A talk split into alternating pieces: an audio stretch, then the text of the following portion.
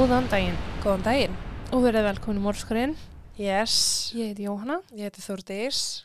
og rétt að hann í vind mér málið ætla ég að minna á samstarfsalun okkar, skröpdæti, en með kóðanum Mórskurinn fáið þið 20% afslott af öllum vörum inn á skröpdæti ísland.is. Jeps. Uh, ég ætla að byrja á því að setja sko stórt trigger warning á það mál. Ok. Þetta mál tók og rústaði mér gjörsamlega. Já, takk fyrir og það. ef það er einhver mál sem hefði tekist að græta mig þá væri það trúlega þetta Æði. uh, ég byrjaði að skrifa það fyrir ángríns fimm mánuðum síðan og ég gæti ekki klárað að vera núnilega Aha. Frábært. En er ekkit eðla ekki spennt. uh, ekki vera mjög spennt en Daniel Pelka fættist þann 15. júli árið 2007 Fóreldra Daniels voru upprunalega frá Pólandi en fadur hans og móður höfðu flutt saman til Bretlands ári áður en að Daniel fæðist eða 2006. Daniel átti eina eldri systur, tveimur árum eldri en hann sjálfur en það virðist vera svo að hann hafi verið einu sonur sinna tvekja fóreldra Mm. En hann og systra hans voru sammæðra. Ok. Fyrsta ár Daniels var litað af miklu flakki en á meðan Erik, fadir Daniels, vann á sér rassinn, keirandi vörubíl, þá var Magdalena móður Daniels í leita hennu fullkomna, fullkomna lífi. Hún vildi eiga flottasta húsið, besta húsið og í kjölfarið flakkaði þessi fjöguramanna fjölskylda ansi mikið. Fluttu á milli húsa sem þau fóreldrarnir áttu ekkert andla efni á bara til þess að eldast við eitthvað lífstíl sem að Magdalena þráði svo heitt. Mm. Samband fóröldra Daniels var að væga sagt stormasamt, þau drukku bæði tvö mjög mikið, þau hikuðu ekki við að lemja hvort annað og lögreglan var tíður gestur inn á heimilinu vegna hótana þeirra á milli og bara ofbeldis. Já.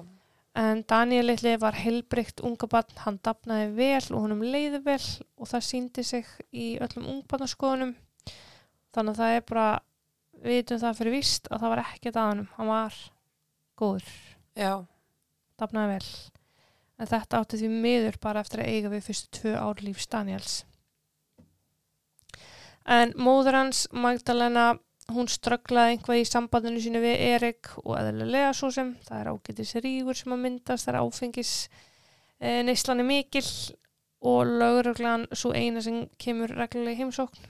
Mm en það fer svo að hún heldur framhjá og þetta gjössalega braut Erik sem að slítur sambandinu og flytur aftur til Pólans um, En í framölduna á því þá átti Erik erfitt hann á samband við svon sinn en Magdalena hafði eignast nýjan kærasta ansir hrætt eftir að Erik flutti í burtu Já. og hún gerði allt í sínum valdi til að Erik tækist ekki eiga í neinum samskiptum við Daniel og henni tókst það afar vel. Erik hafði valla verið fluttur út þegar annar maður var fluttur inn sem er samkomt skýslu sem ég las kallaðar Herra A og hann í raun kemur heila málunu lítið við annað en það að lögreglan var tíðu gestur inn á heimilinu eins og hún hafði áður verið. Já. Magdalena drakk óhóflega frá því að herra A flytur inn í árslok 2008 og þar til hann flytur út í april 2010. Ok. En maðurinn sem hún uh, hóf samband með bara í mæ 2010, mánu eftir að herra A flytur út, hann heiti Marius, hann var starfsmæður í verksmiðju og svo innilega fjarið því að vera ykkur topp náungi. Já. Hann átti langa sögu um til dæmis aukulagabrott, keirundur áhrifum og keira sviftur bílprófi og hann gerði það árlega í nokkur ár að láta taka sig undir áhrifum eða keira sviftur. Já. Hann hefði flutt til Breitland sama ár og Magdalena og það var bara tilviljun en það var svo innilega engin tilviljun að Marius hafði ákveðið að flytja frá Pólandi til Breitlands en hann var jú að flýja fangilsistóm sem annars beigðans úti. Ah. Mm. Marius var ofbeldismæður í Pólandi og hann hjælt áfram að vera ofbeldismæður í Breitlandi.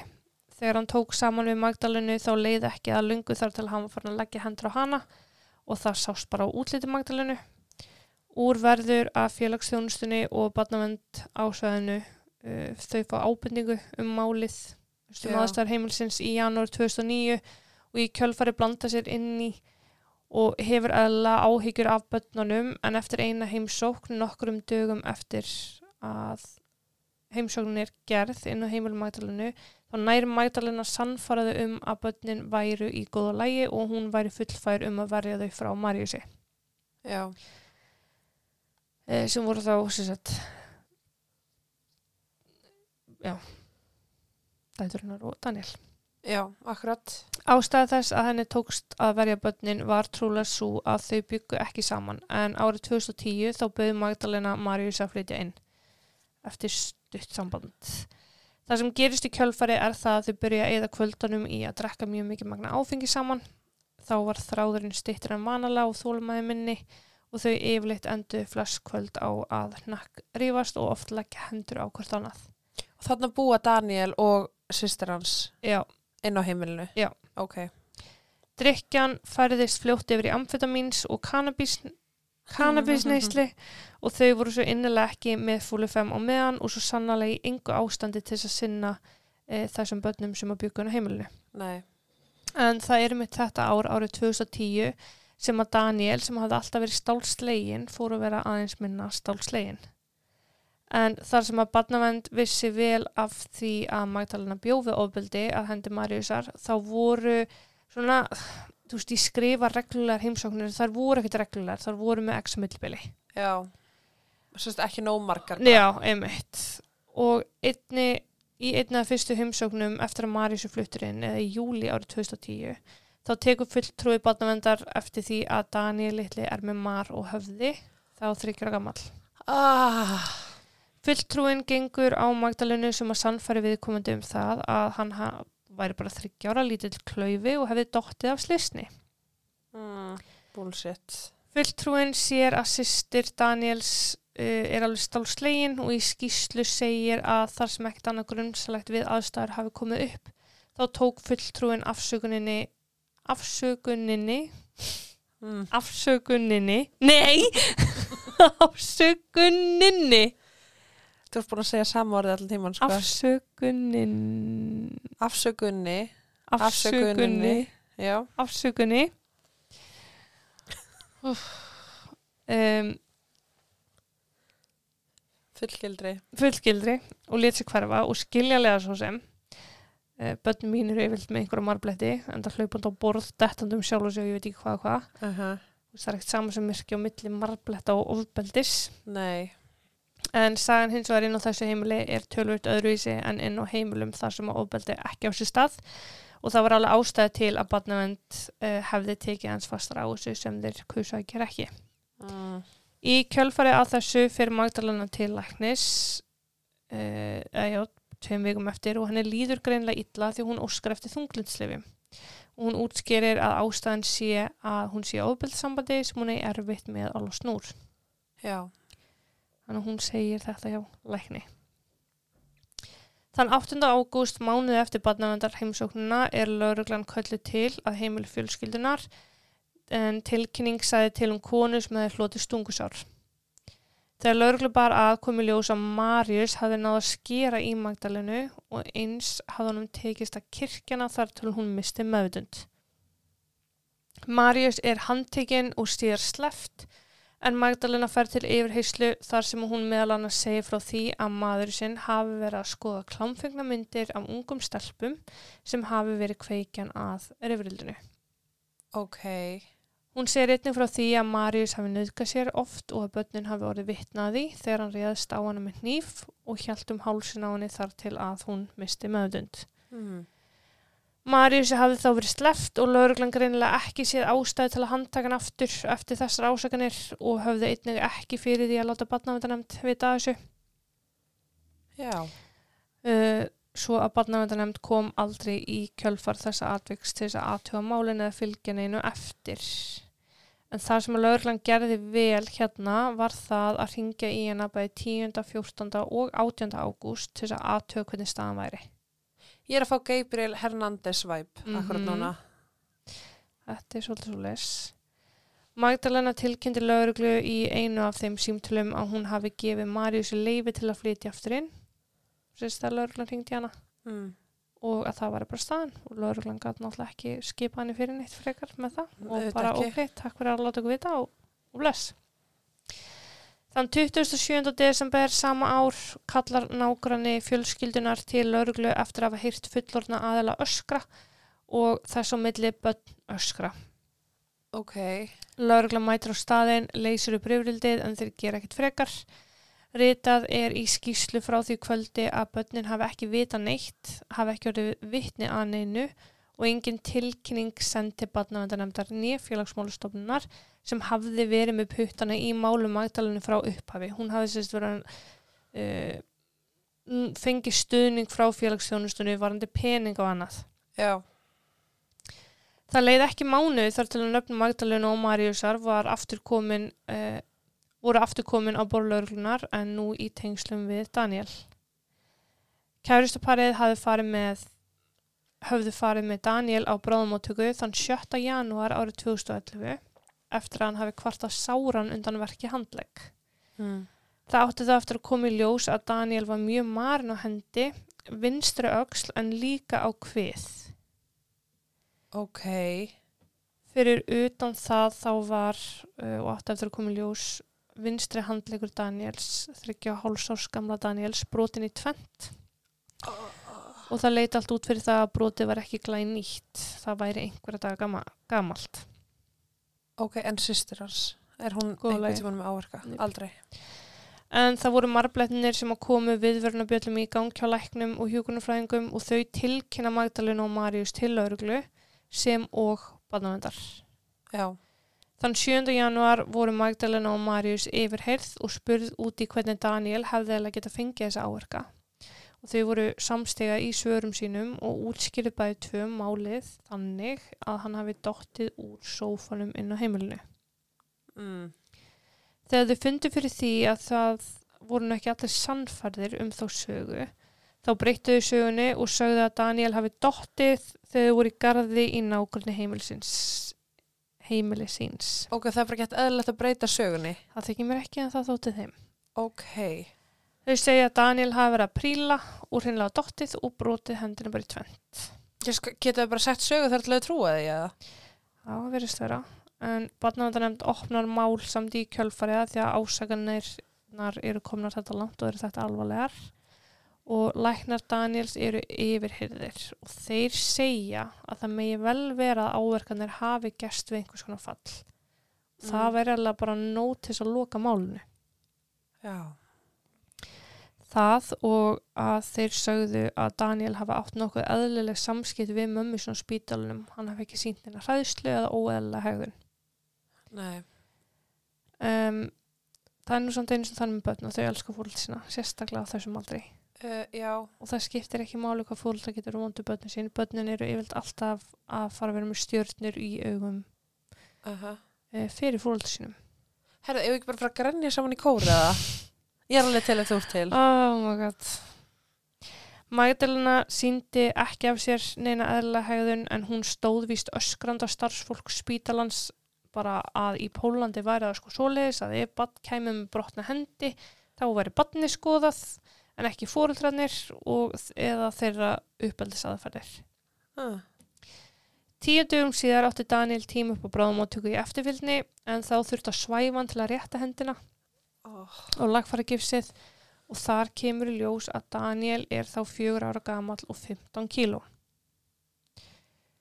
15 kíló. Já, Hundur minn er þingri en hann. já.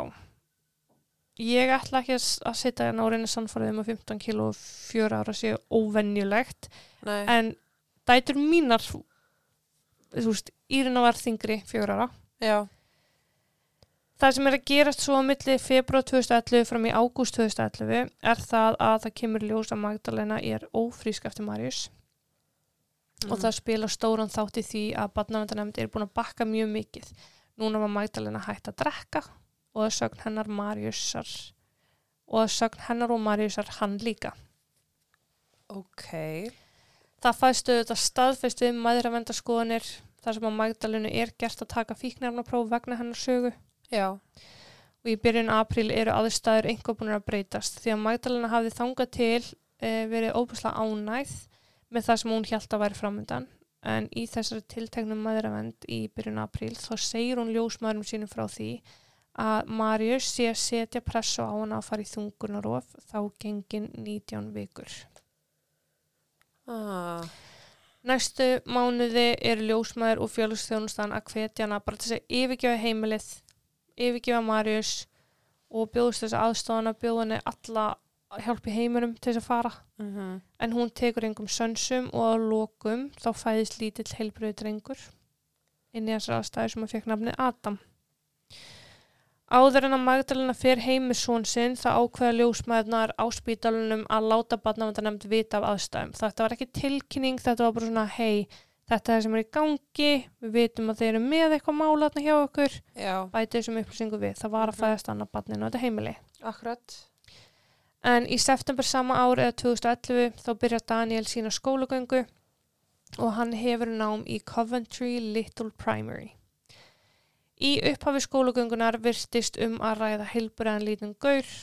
Hann hefur trúlegast upplegað sér svo litið út úr og kennarar tala um að hann hafi klálega verið svolítið einangraður vegna þess að hann var ekki komið alveg fullkomið tök á tungumálunu. Já, Hann alltaf talaði pólsku heima svo allan daginn út og inn og svo allt í hennu enska í skólanum. já, En það leiði ekki að lungu þar til að kennarar og aðri skólustarfsmenn voru farnar af áhyggjur af því að Daniel væri jafnvel ekki að borða ná. Í oktober nefna kennarar þetta við móðu Daniel sem að gera lítið úr þessu, svo það var lítið gert í málunu. Í nóvember hins vegar stóð yngum og sama en Daniel var þá farin að stela úr ávokstakarfum og tróða í alla vasa, inn á sig og í töskunni sinna. æ, Daniel hafði einnig haft þannig vana að hálfpartin sníkja uh, mat hjá skólafélagin sínum, sérst úr þeirra nesti og ef að skólafélagarnir hafði ekki tök á að gefa með sér nesti þá hreinlega tók hann upp á því að ráðast á boks sem voru honum næst og bara tók allt sem hann gat úr nestboksinu. hann hefur bara verið svangur. Já. Þetta er ástæðan fyrir því að ég sendi Írunu alltaf með auka nesti ef einhver skildi hafa glimt nesti eitthvað Já, að þú veist ekki þegar maður hefði áhyggjur af svona svæsnu tilfelli en bara þú veist fólkdra getur glimt næsti. já, akkurat. Í nóvember er málið formlega tilkynnt og Magdalena fengið til að koma í skólan og ræða þetta mál sem var nú orðið alvarlegt. Magdalena var með svörun tilbúin við þessu eins og öllu öðru og sagði Daniel vera með matar uh, átröskun eða bara átröskun. Hálgerðan sjúkdóm sagði hún, sjálfgefan og erfiðan sjúkdóm. Já, sem hún bara bjóð til á staðnum. Já, hún segir núna að Daniel væri á lækni vegna þess ástands og bað kennara skólan sem að vinsalast forðast að gefa Daniel neitt aukala. Hann ætti bara að borða það sem var í næstbóksinu sínu sem var yfirleitt afar, afar lítið. Já, Kennararnir taka mark á þessu samt og bregða á það ráð að taka öll næstisbóksbarnana og geima þau annars það svo að Daniel gæti ekki stólist í þau. Æ, eins og hann sé eitthvað the villain. Mm Í janúar hefur nú skólustöru samband um Magdalenu og tilkynir henni það að Daniel sé farin sína merki um að hann sé að staðna í vexti vegna vannaringar. Í framhaldinu lætur Magdalena skólan vita að Daniel eigi ekki að fá millirhessingu nýja hátegismat út af þessu ástandi hans. Já, Hún segir að það sé að sanna sig heima að ef hann fá að ráða hvað hann borði þá fá hann niðurgang. mm. Og þetta átti að vera eitthvað svona meldinga óregla sem hún var að reyna að sannfara kennara og skólastarfsmunn að hann væri með. já, Þessu gleipa kennarinn við og Daniel fekk korki hressingu nýja hátegismat og ekki næsti. Oh. Barnavend leist ekki alveg leikuna þegar hingaði komið og Magdalena er látin panta tíma hjá barnalækni fyrir Daniel sem gæti þá bara staðfest veikindin. já, Magdalena mætti auðvitað ekki tíman sem hún átti bókaðan og þegar annað tímir var bókaður fyrir hana þá mætti hún ekki í hann heldur. Frá desember 2011 fram í februar 2012 var Daniel að mæta reglulega í skólan með áarka á andliti og höfði. Aðspurður hvað hefði komið fyrir hafði Daniel aldrei neinn svör, heldur horfði hann bara niður og þægði en þetta voru marblettir á hálsi stundum í kringum eira, stundum í kringum axlir, oft glóðuraugu og það er talað um dent in uh, nose sem er bara svona innfall á nefi Já. eins og hann hafi orðið fyrir höggi sem að bara hafi dentað á honum nefi Uh, fjóra hálsás. það er ekki eðlilegt. Kennararnir e, eru hér ekki anfarnar að hafa samband við barnavendanemnd aftur en ráðfæri sér við lækni vegna áhyggja um að hann sé ekki þingjast. Og læknirinn segir að Magdalena verður bara að koma með hann til sín svo hægt sé að ákvarða framhaldið en það hafði komið til tals á einhverjum tímapunkti frá Magdalenu að Daniel þyrfti jafnvel aðgerð til þess að hjálpa hann að nærast. Ok. Kennarar og félagsþjónusta koma þessum læknistíma á og hún mætir í þann tíma þann 10. februar. Þið hefði Magdalena sagt það. Magdalena tala um það, já. Hann þurfti aðgerð til að, Já, einhver aðgerð getur mögulega hjálpa ástandinu. ok, hann má ekki borða, Nei, hann má bara borða sitt en aðgerð til að láta hann þingjast. Nei sérst, aðgerð til þess að hjálpa, þú veist, það er einhver meldingavandra í gangi samkvæmt henni. Já, og það þurfi aðgerð til þess að gera við þau meldingavandamál. Ok. Já, 10. februar, fyrir hún til læknis. Daniel var fyrst fenginn til þess að stíga á viktina og þar kemur ljós að hann er nú orðin 13,8 kíló. Og hver gammal? Hann er fjóra hálsás, hann hafði verið rúm 15 kíló ára áður og ég viktaði talju tveggjára Já. til að reyna að fá betri hugmynd um þyngd barna og hún er 13,6 kíló Já. tveggjára. Hann var fjóra hálsás. Oh. Daniel pissaði buksunar í þessum tíma. Hann ansaði ekki lækninum svo læknir hann heyrði hann, uh, heyrði hann aldrei tala. Magdalena hafði hins vegar nóg að segja og sagði það að Daniel var með þráki fyrir mat, væri vondu við sískinni sín og að þeim semdi illa og sagði frá áhyggjum sínum um að Daniel væri jafnvel með einhverfi. Mm. Læknirinn ritaði þetta allt niður samvisku samlega en planið var að fylgja málinu eftir. Blóðpröfa hefði verið tekin sem að síndi fram á að gildi Daniels voru einstaklega lág í bæði játni og syngi og hann reyndi að hafa samband við Magdalenu um þessa niðurstöður áranguslaust. Hann skrifar út bætefni til, fyrir Magdalena að sækja í apotek þann 1. mars og skilur eftir skilabóð til hennar þess efnes en hún átti aldrei eftir að leysa út þessi bætefni. Mm. Þann fyrsta mars var fundin haldin á meðal kennara í skóla Daniels en hann hafði sérst grafa en eina ferðina eftir mati ruslinu og borða upp úr því ávexti Æ. uh, og þetta átti, að vera, átti að vera eitthvað fundur um það sem var verið að ræða hvað þetta gera í framhaldinu en fundurinn skilaði litlu um, eða það minnst að var lítið gert því þann 3. mars var Daniel látin. Mm.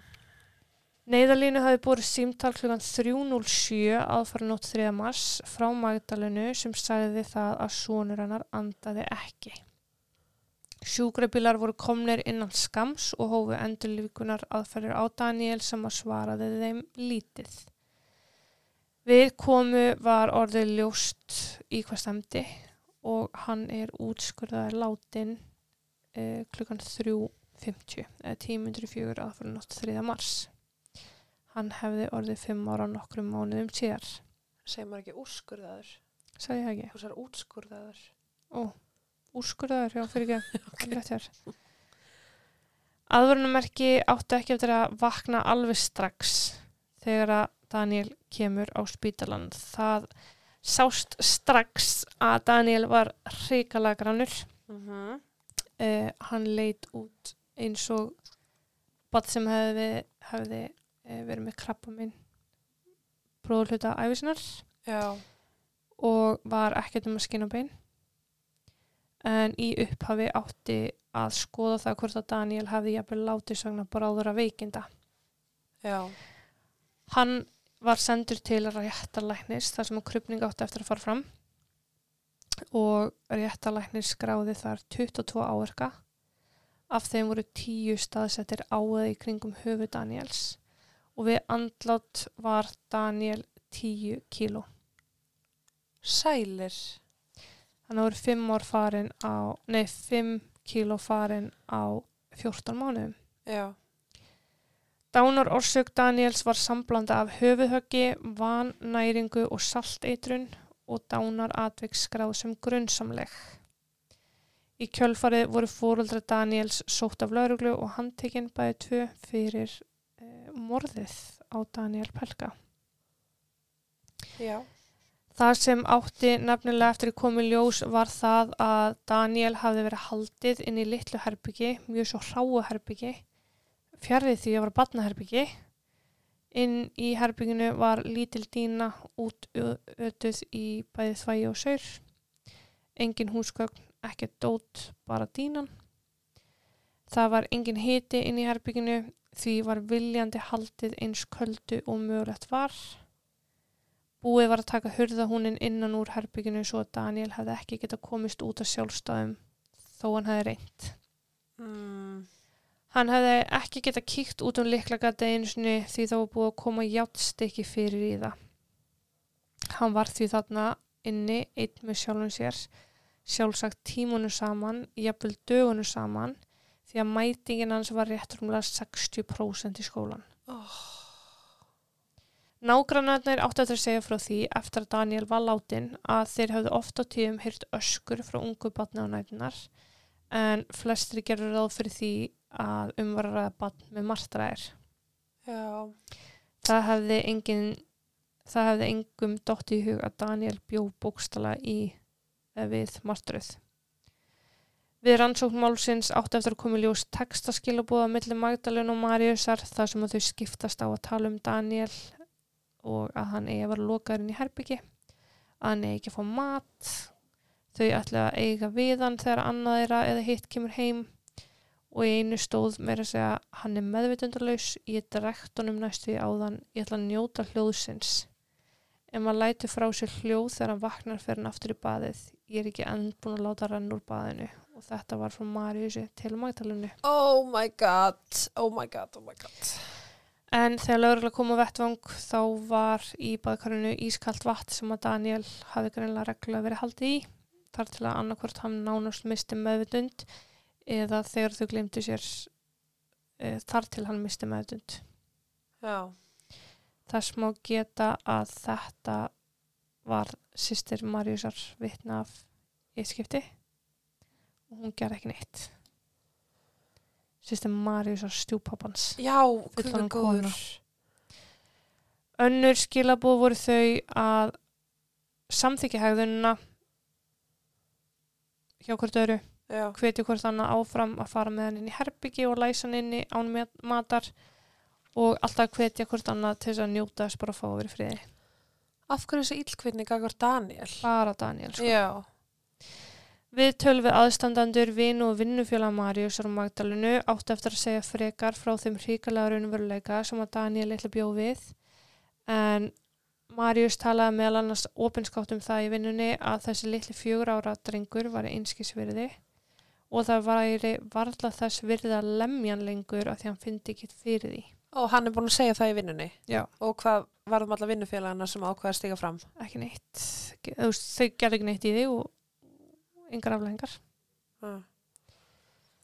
en að fjögur á háls ás bat sé hægt að kvarta undan ofbeldi Mm þú þarfst að vera ansi tilfinningilega svo, bara sveltur Já. til þess að kippa þær ekki upp við það sko ástæðan af hverju Daniel hafði reynt að stela mat í skólunum var innföld móður hans hafði sendt hann með nesti alltaf en bannað hann um að borða allt nestið honum var refsað ef hann kom heim með tómt nestisboks ef hann stalst inn í ískap eftir skóla til að reyna að fá sér að borða þá var hann lamin salti held upp í munnans með þeim afleðingum að hann kastaði upp eða honum hreinlega drekt í köldu vatni Oh. Það sama átti við um ef Daniel baði um að fá að drekka og ef hann reyndi að fá sér að drekka. Já. Önnur refsing sem að Marius var duglegur að nota var að láta Daniel hlaupa um stofuna, láta hann gera hnébögur eða hoppa. Allt til þess að brenna þessum örfáðu kaloríum sem að Daniel innbyrðið hvern einasta dag. Mm. Magdalena og Marius sögðust saklaus e, vegna ákjörna, vegna morsins á Daniel en játuðu bæði sagt í ákjærum tengd barnargrimm. e, já, Þau bentu svo hvort annað trekk í trekk en Magdalena sagði að Marius myndi alltaf kirkja sig ef hún reyndi að koma sinni sínum til bjarga. Og Take the hit. Já, ángríns. En Marius sagði að Magdalena kvart hann áfram og að þau kölluðu þetta bara að aga börnin sín. En Mm. það var bara Daniel sem var fyrir þessu. já, Réttarhöldum voru ógeðsleg, þau voru gróf og þau kom margt ljótt fram en niðurstaðan var eðla svo að þau voru bæði tvö dæmt seg og uh, til hæstu refsingar. Sess dæmt til mestu refsingar. Já, Fadir, sess, blóðfæðir Daniels Eriks Erik fekk styrk frá samtökum í Breitlandi til þess að hægt voru að flytja líkans til Póllands þar sem hann var síðan meiri jarðaður en hann stóð frammi fyrir því á tímabili að geta ekki flóið barninu sínu til sín að því hann áttu bara kemna í. já, Faðar hans lifir með eilíðar eftir sjá að hafi ekki geta greipið inn í og ekki vitað að aðstæðum því auðvitað hefði einhver átt að hafa samband við hann á einhverjum tímapunkti, barnavendanemnd eða einhver. já, Þegar að barnavendanemnd það var alveg ljóst að það væri eitthvað í gangi. uh En um miðjan júli árið 2015 þá fannst Magdalena látin inn í fangaklefunum sínum. Men hún kannast ég að segja bara döið. en ég má ekki segja þetta Nei, þú veist, en ég ber enga verðingu fyrir henni. En hún hafði hengt sig. já, Halvu ári síðar eða í loki janúar 2016 fannst svo fýblið hann Marius döður í sínum klefa. En hann hefði fengið hjartaáfall. Dagan á undan hafði hann fundið fyrir einhverjum ónótum en hafði afþakkað allar læknisaðstóð það var hann bara hrættur um að fólk myndi þekkja honum smettið. Og hann er bara drepin eða hann myndi stíga út fyrir veggi fangilsins já. Og úr varð bara að hann steindrafst oh, það sem kemur fyrir eftir að Daniel deyr eh, er að lögin eru hert og það er góðfúslega bent á það að þau lönd sem eru með strángari tilkynningaskildu mm að tilkynna atvik til barnavendanemndar eru ekki með sögu um einn svæsin, brot og Bretland var þessum tíma. já, Það var deginum ljósara að það komu margir að þessari vannrækslu Daniels. Það voru kennarar, læknar, barnavendanemnd, laurugla og aðrir. mhm, Og það voru gefnar út skýslur þess efnis, það sem lofað er öllu fögru og það eru rauninu skýsluna sem að gefa okkur þessar upplýsingar sem við erum að fara yfir. já, en þetta er og var óbúslega algengt og í einu myndbandinu sem ég horfði á það er talað um ghost children eða draugabönnin en þetta eru börn í Breitlandi sem eru vissulega skráð í skóla en í gegnum COVID, sérstaklega COVID-faraldurinn þá hafa börn bara horfið sporlust Já. það er skólaskylda og fóreldrar eða forræðamenn eru skildu til að sinna og virða skólaskylduna og senda börnunum í skóla að það eru greinlega til börnana út í Breitlandi sem er ekki að í skólan og enginn getur gert grein fyrir þeim. Já. Hvar þau eru.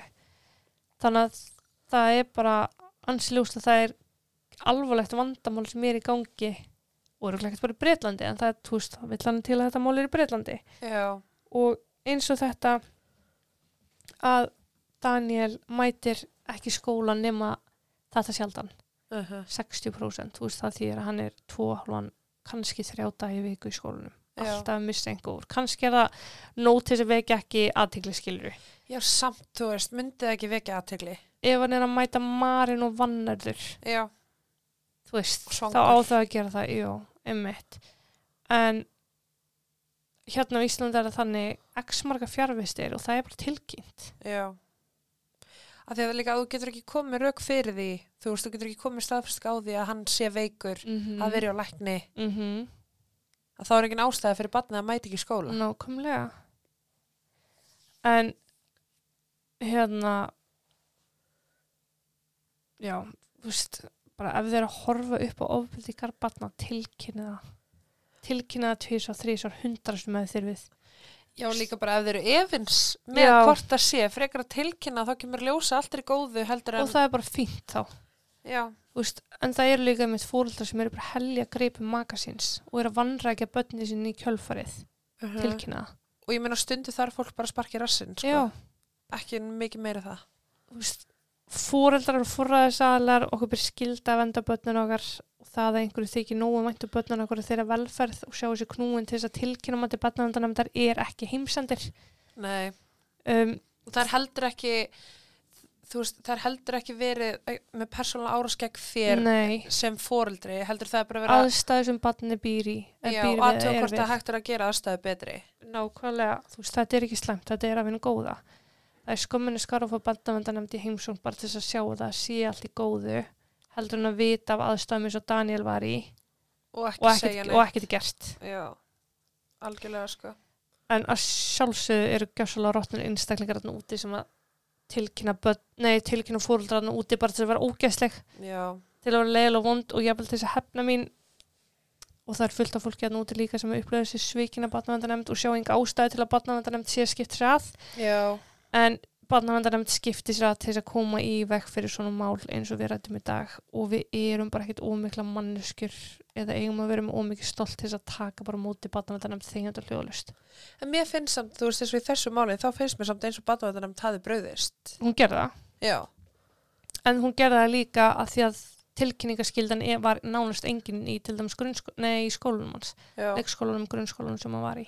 já Þú veist, barni var að koma marið sí endur tekið og það er ekkert gerst. og sömulegis með, þú veist, lögreglan veit að það er ofbeldin á heimilinu. Mm og það er samt ekki kallandi bandvandaremdar en það er einhver sem á bara að fylgja. Þú veist, ef að lögregla mætir inn á heimili þar sem ofbeldi hefur átt sér stað þá Mhm. er bandvandaremd köllu til. Já, það eiga bara að vera verkferðlar ándjóks en það hefur ekki verið á þessum tíma og mér skilst það að sé batna en það, það, það eiga alltaf eftir að koma upp einhver svona mál það sem að einhver komst á milli skilur já, en þetta er svo drullu skýtt og ég ætla að sína þér eina mynd hérna. Jóna En það sem verða er að hérna áverkanir. Já, bara ekki, þegar hann, er það sem fara að sína mér þá? Það er hérna reynd að líka eftir hvað hann var hann grannur. oh my god. Þetta er ekki, Þetta er ekki samband á fyrstu myndinu sko. nei